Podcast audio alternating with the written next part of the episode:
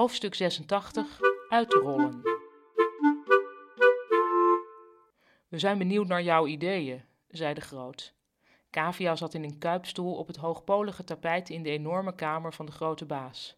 Ja, zei Kavia verward. Ze had een zin voorbereid en die ging ze maar meteen zeggen.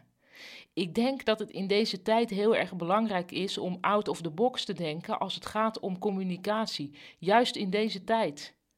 Ze had niet twee keer in deze tijd moeten zeggen, realiseerde ze zich, maar het was al te laat. Hmm, zei de groot. De groot was niet alleen lang, hij had ook een bijzonder groot hoofd.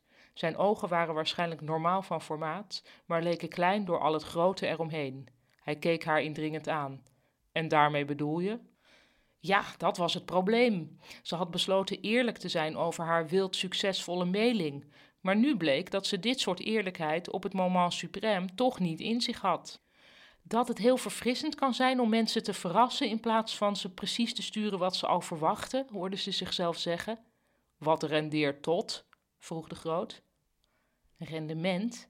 Dat was iets waar je je als communicatiemedewerker toch niet mee bezig hoefde te houden. Dat was toch het terrein van Ruud? Uh, meer online traffic, probeerde ze. Hmm, zei hij weer. En hoe wil je dat uitrollen? Uh, aarzelde Kavia terwijl ze rook hoe er een angstgeur opsteeg uit haar vacht.